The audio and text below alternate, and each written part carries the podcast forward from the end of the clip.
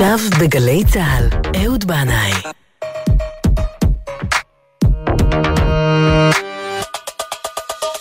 הבית של החיילים, גלי צה"ל.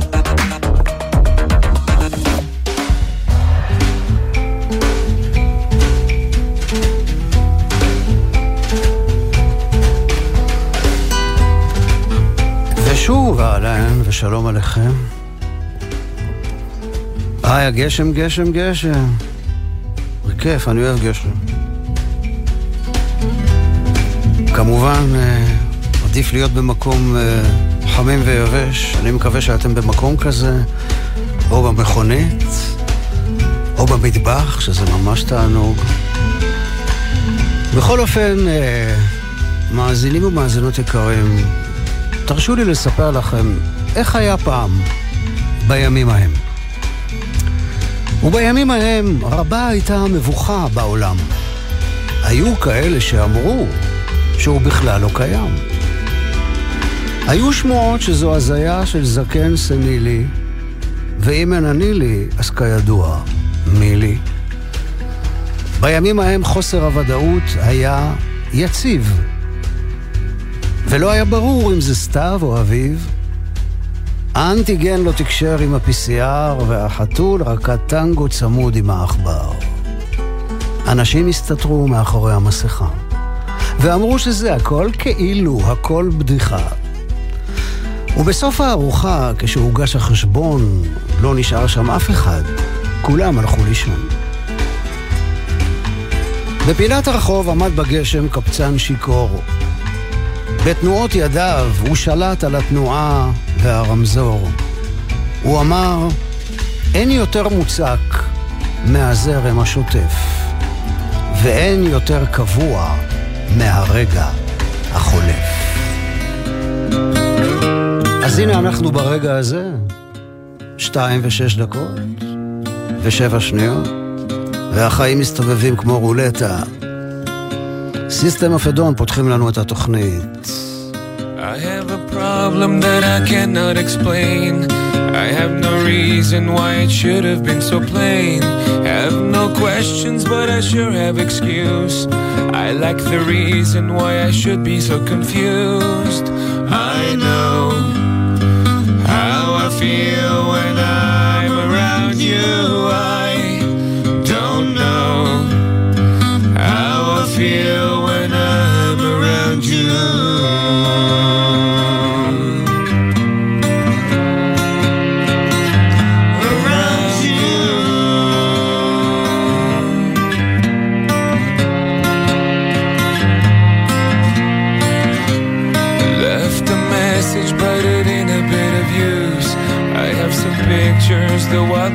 Today you saw, you saw me, you explained.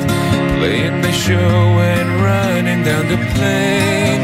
I know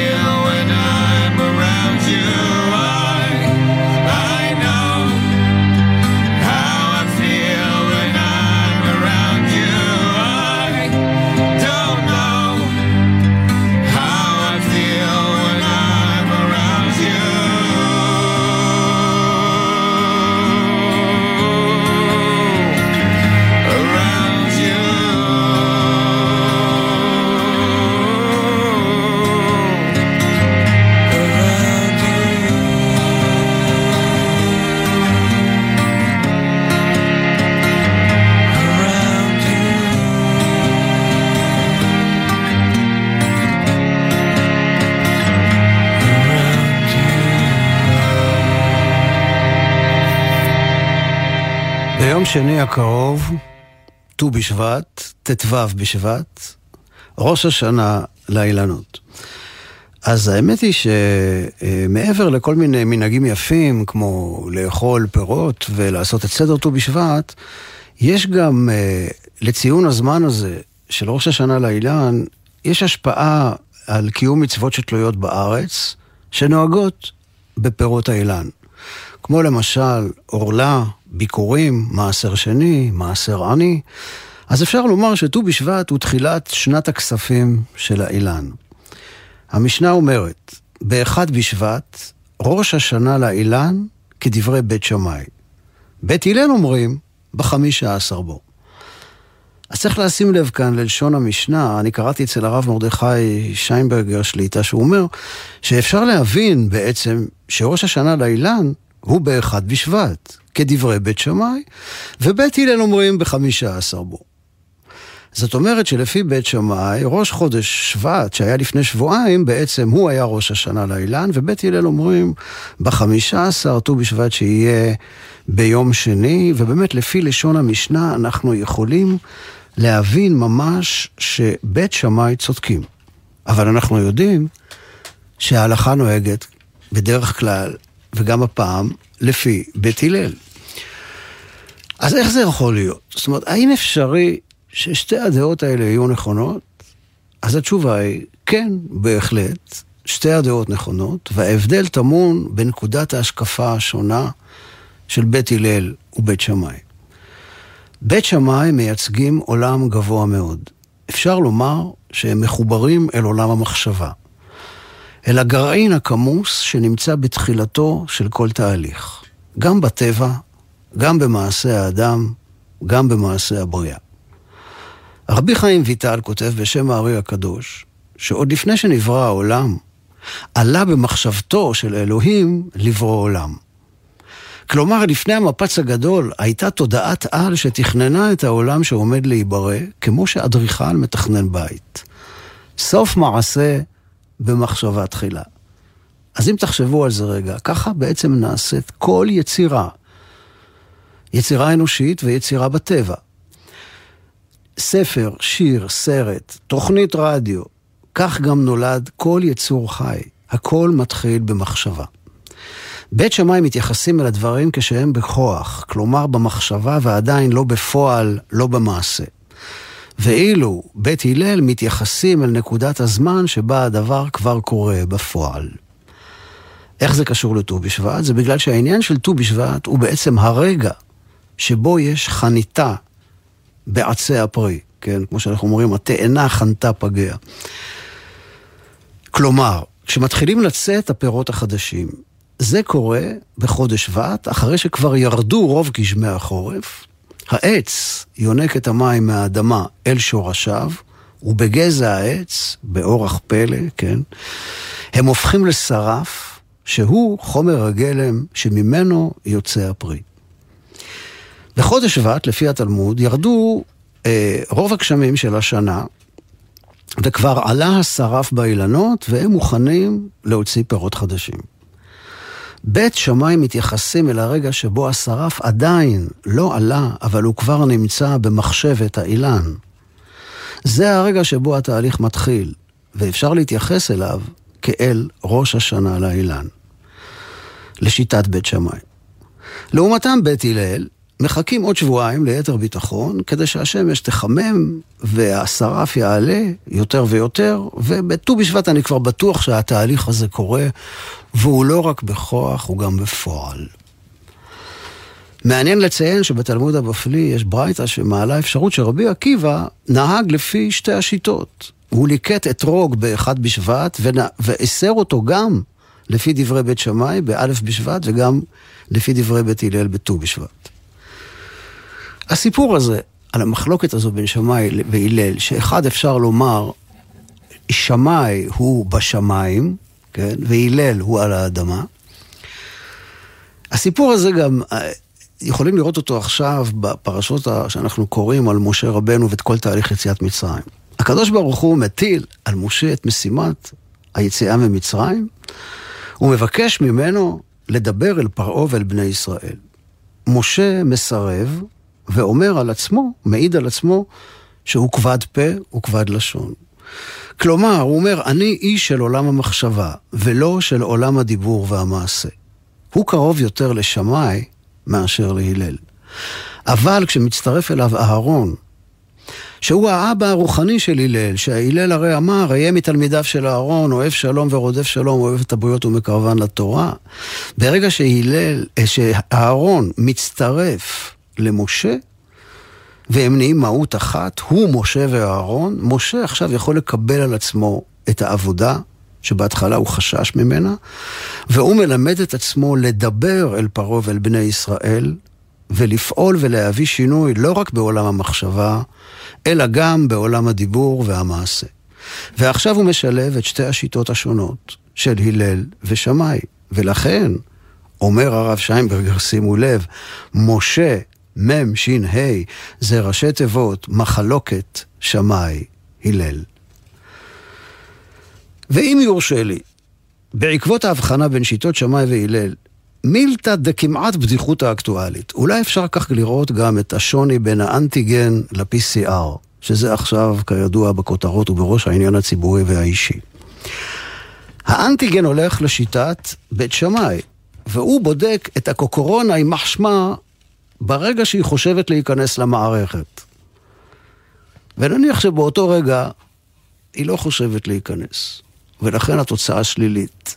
אבל הקורונה ערמומית יכולה אחר כך, אפילו אחרי כמה דקות, לשנות את דעתה וכן להיכנס למערכת. ולכן בדיקת האנטיגן לא החלטית ולא ודאית. לעומת זאת, ה-PCR בודק את המצב בשטח כפי שהוא באופן מעשי. יש קורונה או אין קורונה? יאללה, שלא תהיה קורונה. נכון? הנה רוברט פלנט. נכנס לאולפן, סוחב איתו אש, שתעיף מכאן את הקוקורונה לכל הרוחות.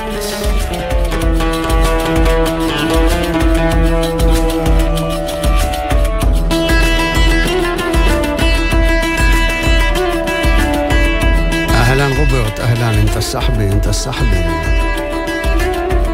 I sit and wait for you like so many others do.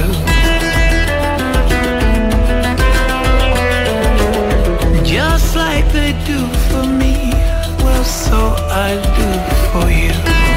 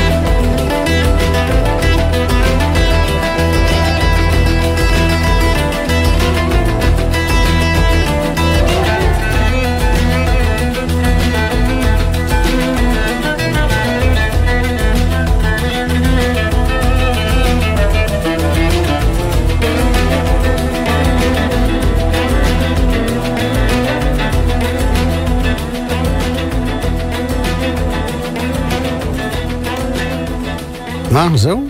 רוברט, לאן אתה הולך? בוא, בוא שנייה. אה, טוב, כבר הלך. טוב, יש לו, כנראה יש לו הופעה איפשהו באנגליה, בלונדון. אז השנה הזאת היא שנת שמיטה. על פי ההלכה, אסור לנטוע עצים בשנה הזאת. אז הנה פתאום נכנסים עניינים פוליטיים, כמו שקורה עכשיו, ויש רבנים מהמגזר הדתי-לאומי שמתירים לטעת עצים בט"ו בשבט, במקומו, או לפני ט"ו בשבט, בשנת שמיטה, במקומות מסוימים בנגב. אה, לא, אבל זה שנת שמיטה, ולפי ההלכה אסור. אז לא, זה צו השעה, צורך האומה, משק כנפי ההיסטוריה, שנית מצדה לא תיפול, חומה ומגדל, בר כוכבא, טרומפלדור וכולי וכולי. לעומתם, יש רבנים מהמגזר החרדי שטוענים שאין לעבור על האיסור ההלכתי המפורש, שלא לטעת עץ על אדמת ארץ ישראל בשנת שמיטה, ובשום מצב אין לטעת, אולי רק פיקוח נפש דוחה שנת שמיטה, אני לא יודע. המחלוקת הזו, שפרצה השבוע, מזכירה את המחלוקת הבסיסית שיש בין החרדים ללאומיים בכל שנת שמיטה. האם להשתמש בהיתר מכירה או לא? אז נזכיר בקיצור שהיתר מכירה בא כדי לסייע לחקלאים היהודיים בשנת שמיטה. זה התחיל עוד מימי הרב קוק זצ"ל, וזאת כדי שיוכלו לאבד את אדמתם ולמכור סחורה. אז מוכרים בכאילו את האדמה לגוי, בדרך כלל ערבי, כמו שמוכרים חמץ בפסח. עכשיו האדמה שייכת לגוי ולא חלים עליה דיני שמיטה שחלים רק על יהודי.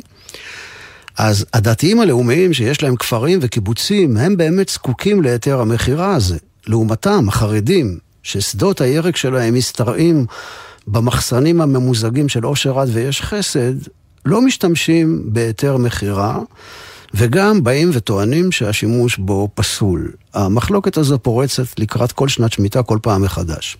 בכל אופן, מאיפה יש להם לחרדים ירקות ופירות לשנת שמיטה? אם שאלתם את עצמכם, אז אני אענה לכם שזה בא מיבוא מחוץ לארץ, או שקונים פירות וירקות מסחרי ירקות ערביים, קונים ירקות מהערבה, כי מחצבה דרומה זה מחוץ לגבולות ארץ ישראל המקראית. עכשיו, לגבי הסיפור הזה שיש עכשיו, הנטיעות אה, לקראת ט"ו בשבט בשנת שמיטה. אז אני, יש לי דווקא פתרון, יש לי מין פתרון יצירתי שכזה. אנחנו נמכור את אדמת הנגב לבדואים, שהם גויים לכל דבר, ואז היא תהיה מותרת לנטיעה בשנת שמיטה. ואז בטוטו טוטו שהערבים יחיו ולא ימותו, ניטע ברינה ובצהלה ובשמחה עצים ברחבי הנגב, ובא לציון גואל.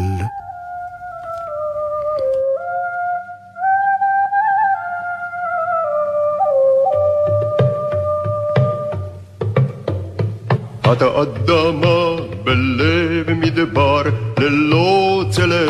ללא מטה. בלב מדבר, ללא צלץ, أتقدم بالليل مدبر للو تلت للو متى المرخفي ندريمة أمرنو كي نسيما أنينو النجبة المرخفي ندريمة أمرنو كي نسيما أنينو النجبة لولو لولو لولو لولو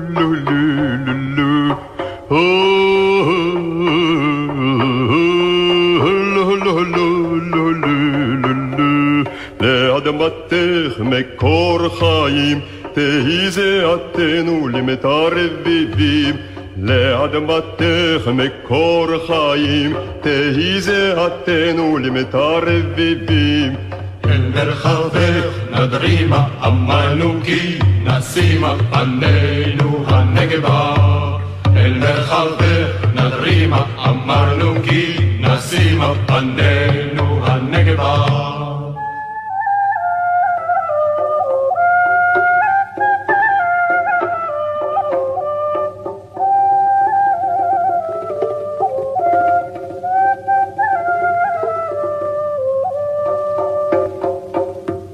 بقى فيكي هالنجب נשקה נרבה כל רגב באפיקי הנגב נשקה נרבה כל רגב אל מרחבך נדרימה אמרנו כי נשימה פנינו הנגבה אל מרחבך נדרימה אמרנו כי נשימה פנינו הנגבה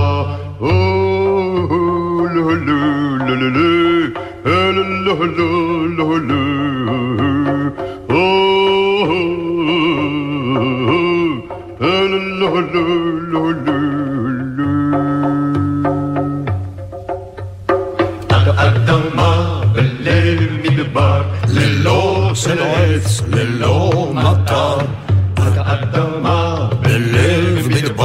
للو سلعت للو مطار נחבר, נדרימה אמרנו כי נשימה פנינו הנגבה.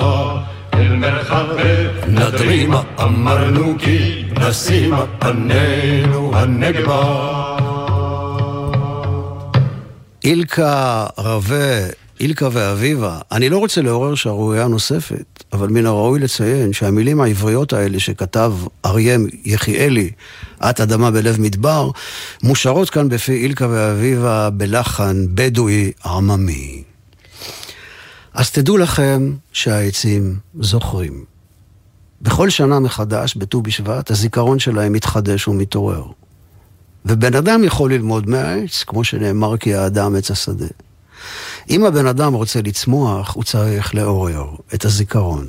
וכך מייקל צ'פמן נזכר באותם ימים קסומים שבילה בין העצים.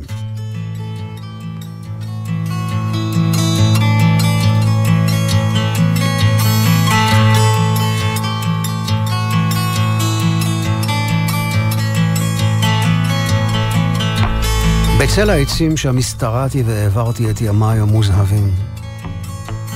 בצל העצים שם ביליתי את כל ימי הקיץ המעולפים. אחר צהריים מנומנם.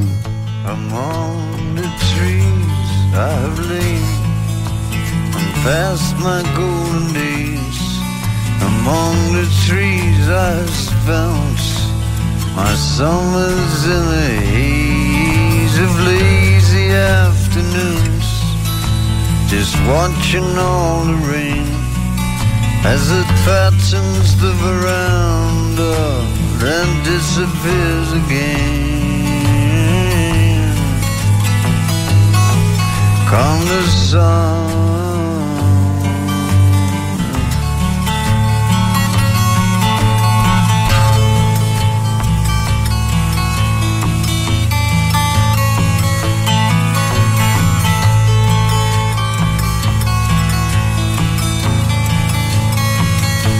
How I wish I could return to those summers once again.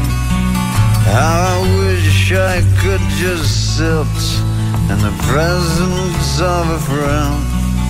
Making music or just listening to the birds so far from sight And watching as the dark sheets of evening turn to night Gone to sun.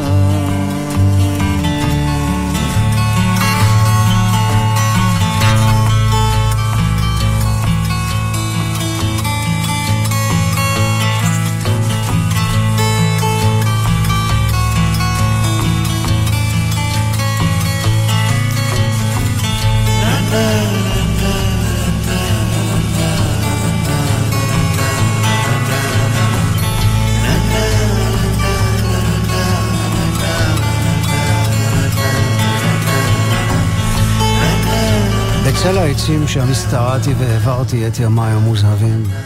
בצל העצים שם ביליתי את כל ימי הקיץ המאולפים. אחר צהריים אין אמנם מביט בגשם שיורד על העולם. שוטף את המרפסת, ואחר כך נעלם. באה השמש.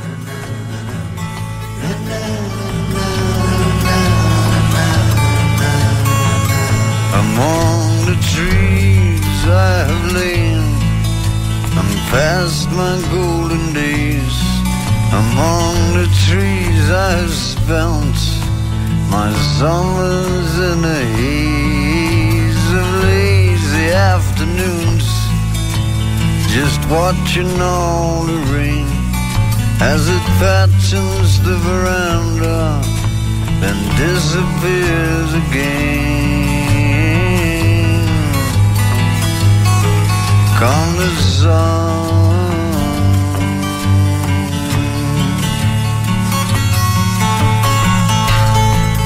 כמה שהייתי רוצה לחזור שוב אל אותם ימי הקיץ הזוהר, לשבת בצל העצים בחברת חבר, לנגן ביחד ולהקשיב לציפורים סביב הבריכה, כשהצללים הכהים של הערב הופכים לחשיכה.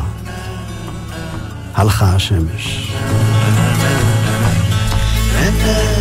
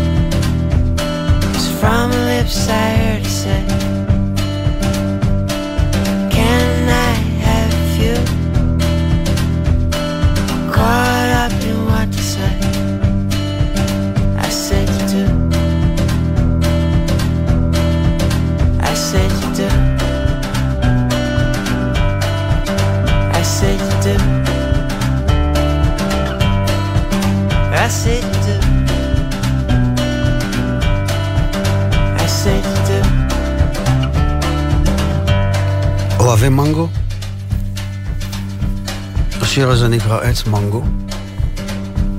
שרים אותו אנגוס וג'וליה סטון.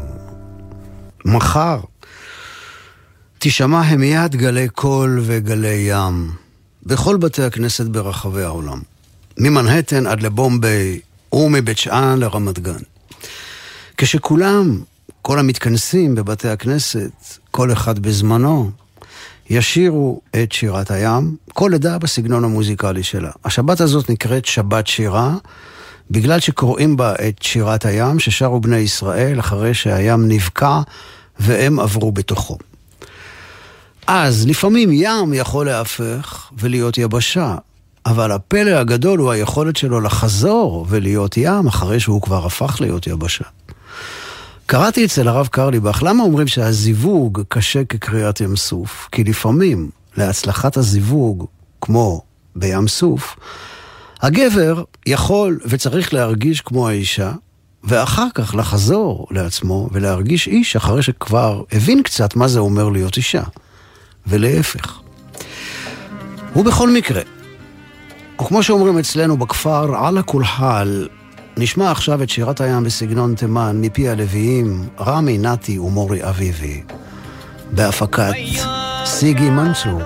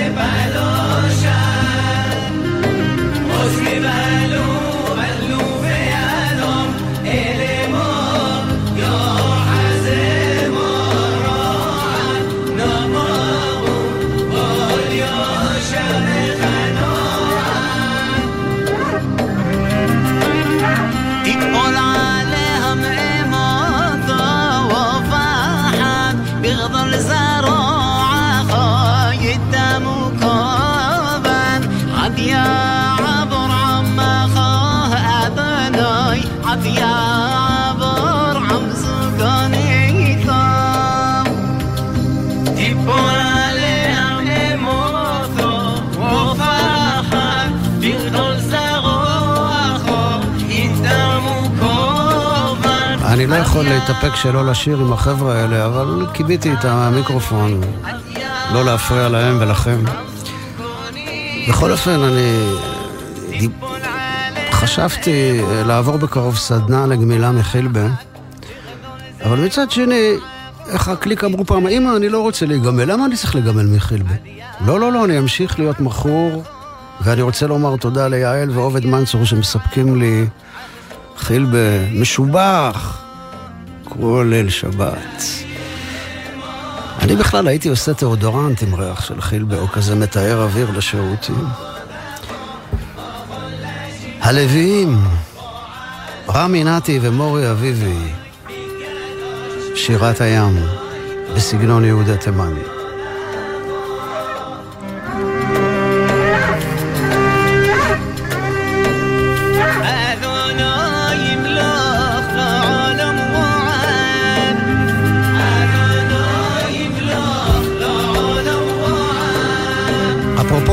שירה בתימנית, אה, בשבוע שעבר הקדשתי כאן פינה חמה לצמד האמרנים בעקבות מותו של ברק אמרני, אבל לא הספקתי להשמיע את השיר הזה של האמרנים שרומם את מצב רוחי בכל מצב.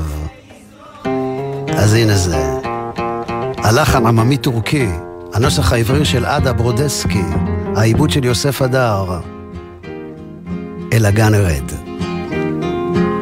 הגן ארד לי עם הליל, עד השקט רב עם הליל, עד השקט רב.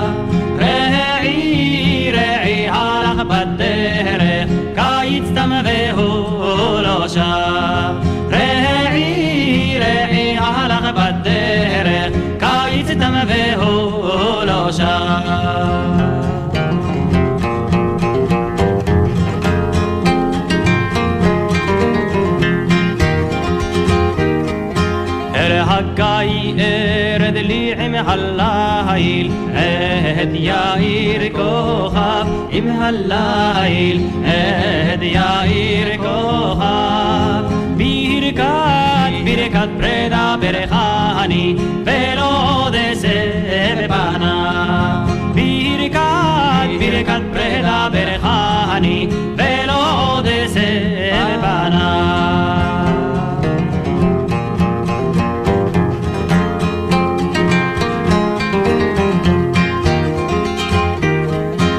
בשבילים אנו דליעים הליל, סתיו כבר מתנשף עם הליל, סתיו כבר מתנשף.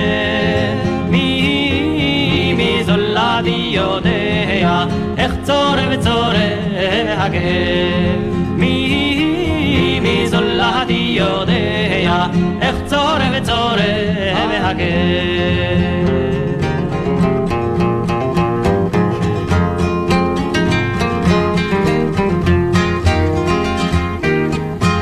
אל הגן ארד לי עם הליל, עד השקט רב עם הליל, עד השקט רב.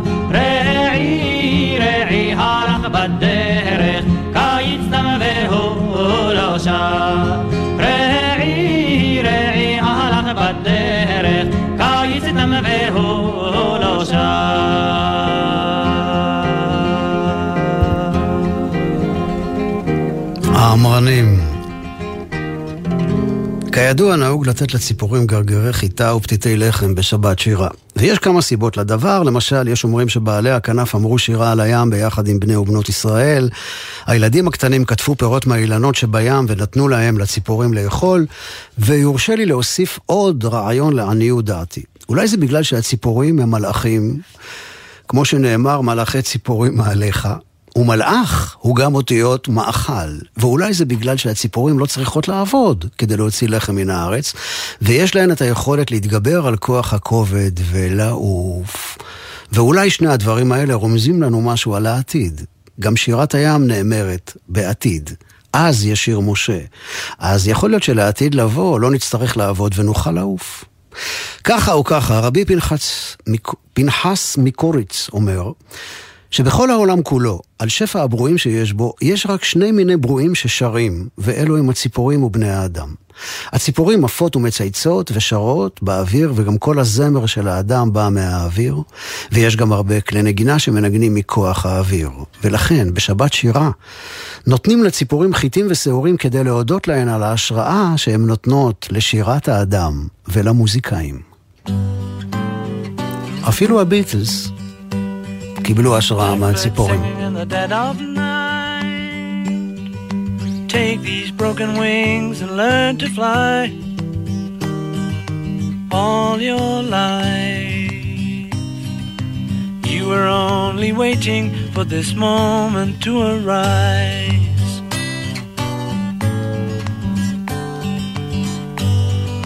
Blackbird singing in the dead of night. Take these sunken eyes and learn to see all your life. You were only waiting for this moment to be free. Blackbird fly. Blackbird fly into the light of a dark black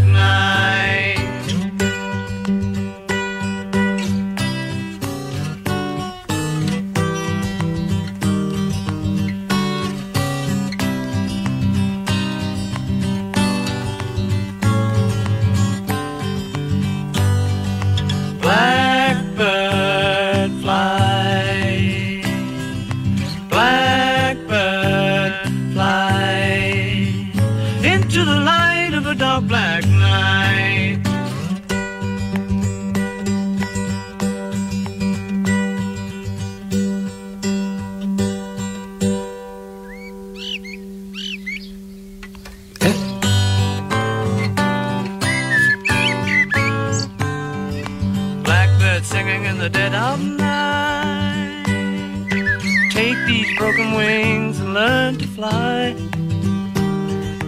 all your life. You were only waiting for this moment to arise. You were only waiting for this moment to arise. You were only waiting for this moment to arise. כן, כן, הנה, בדיוק היא עפה עכשיו, מהאולפן החוצה. השבוע, בתאריך י"ז בשבט, נדמה לי שזה יוצא יום רביעי, ממש יומיים אחרי ט"ו בשבט, יהיה יום השנה של המשורר פנחס שדה, 28 שנים חלפו מאז מותו. אני רוצה להשמיע לכם קטע שלקוח מהמופע המשותף שעשינו. אה, המופע הזה התרחש. כמה שזכור לי, לא יותר משלוש פעמים, זה היה בשנת 1993, בציוני אמריקה בתל אביב, חיפה ופסטיבל ערד. לא הרבה אנשים ראו את המופע הזה בחי, אבל למרבה המזל הוא צולם והוקלט. תהליך העבודה על המופע היה מרתק, ישבנו בלילות חורף ארוכים בדירתו של פנחס שדה ברחוב שמואל הנגיד בירושלים. צוללים לים הגדול של השירה שלו ודולים משם פנינים, פנינים. הוא קורא ואני מלווה בנגינה, נותן פסקול למילים הצלולות של פנחס שדה. הליכה בשדות מרמת רחל לצור בכר. האושר הוא ללכת בזוהר השמש השוקעת של סוף הקיץ. כאילו הולך אתה בשדה בעמק יזרעאל, ואתה כבן שש עשרה. וכאילו כל החיים, כל החיים עדיין.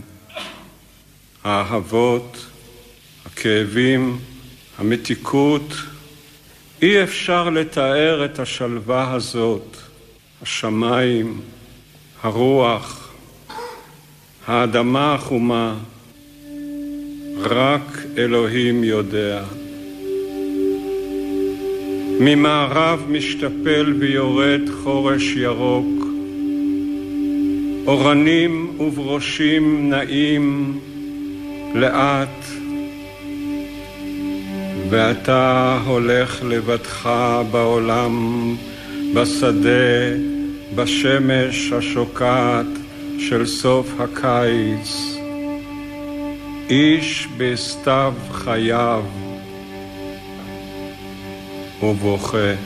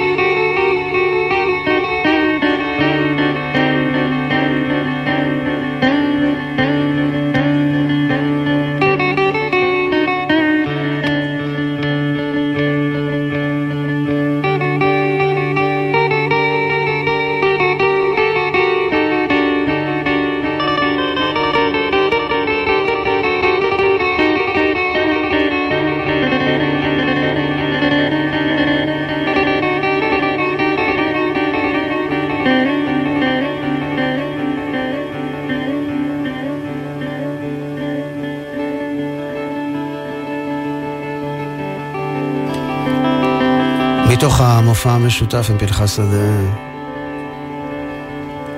קראנו למופע הזה "אני שרה כמו ציפור", בדיוק אז יצא ספר השירים שלו שנקרא כך, בעקבות שיר שכתב על אמו ששרה כמו ציפור בחלומו. שירים נפלאים של פנחס שדה קראתי כאן לא פעם, אבל הפעם רציתי לקרוא לכם שיר של אגי משעול שנכתב בעקבות מפגש עם פנחס שדה. בליל חורף ירושלמי קר, היה זה אחרי פסטיבל שירה כלשהו, מצאתי עצמי פוסעת ברחוב אחרי פנחס שדה. מי הוא שזימן אותנו למשך רחוב חשוך אחד, זאת לא אדע. אבל מכל שהותנו יחד בעולם, ניתנה לנו הליכה יחידה זו, ממשכנות שאננים לעמק רפאים. הולכת הייתי אחריו, מתבוננת בו ממש כפי שהיה הוא מתבונן באיש הולך בלילה. המחבק מעיל שמחבק אותו. והוצפתי נמחרות, והוצפתי נחמרות, מהסוג שתקף את רילקה בלכתו אחרי נשים מכוערות במיוחד, שלעולם איש לא יאהבן. ורציתי לקרוא לו בשמו, ולאהוב אותו, או לפחות לדבר איתו על אותה שורה תחתונה מהשיר דליה אברבנאל, ששעות אחדות קודם, כשישבתי אישה אקראית בלובי, הוא שאל אותי אם לקרוא אותה או לא, ואחר כך, מופע שלם, נדרכתי בגללה. אבל רק המשכתי לפסוע, כעשרה צעדים היו ביני לבינו. נעליו עם העקבים המוגבהים קצת, גופו המכונס, שנעלם פתאום, מהר מדי, לרחוב דור דור ודורשיו.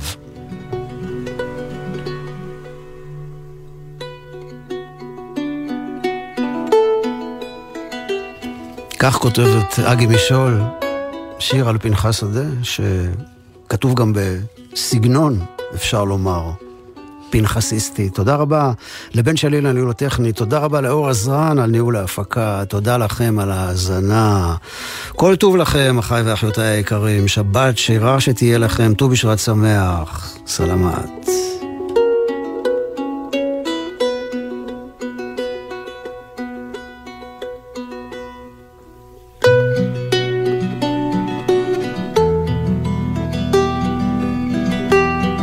תודה מיוחדת לערן גולן.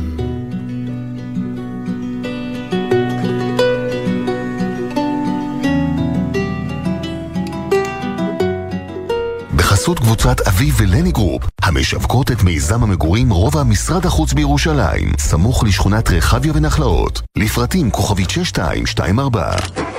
מה נשמע, נשמע, סוף השבוע,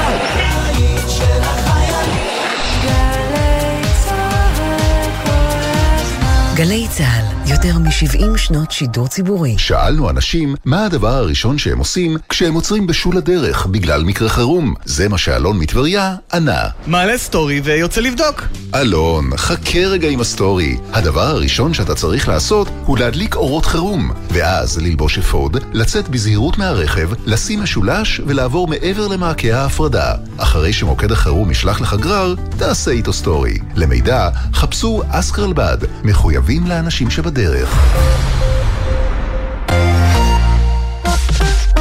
70 שנה לגלי צה"ל. היום חוזרים בזמן עם יואב גינאי ובוגרי התחנה הכי מרגשים, לשיחה על החוויות מהשירות ועוד.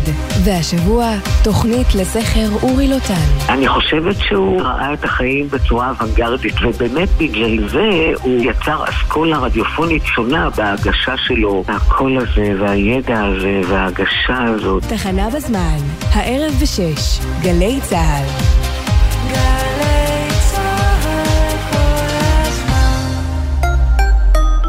משהו חדש קורה בערב בגלי צה"ל. בימים ראשון עד רביעי בשש, החיים עצמם. שעה יומית על כלכלה, חברה ומה שביניהם. עמית תומר, סמי פרץ ושי ניב עם הסיפורים האמיתיים מאחורי המספרים. ובחמישי בשש, מגזין החדשנות העתיד עכשיו, עם דרור גלוברמן, על כל מה שקורה בעולם ההייטק והדיגיטל. ובשבע, 360 ביום עם נורית קנטי. צוללים לעומק ועושים סדר בנושא בוער אחד על סדר היום. משהו חדש קורה בערב בגלי צה"ל. מיד אחרי החדשות, יהורם גאון, עם גאון ברדיו.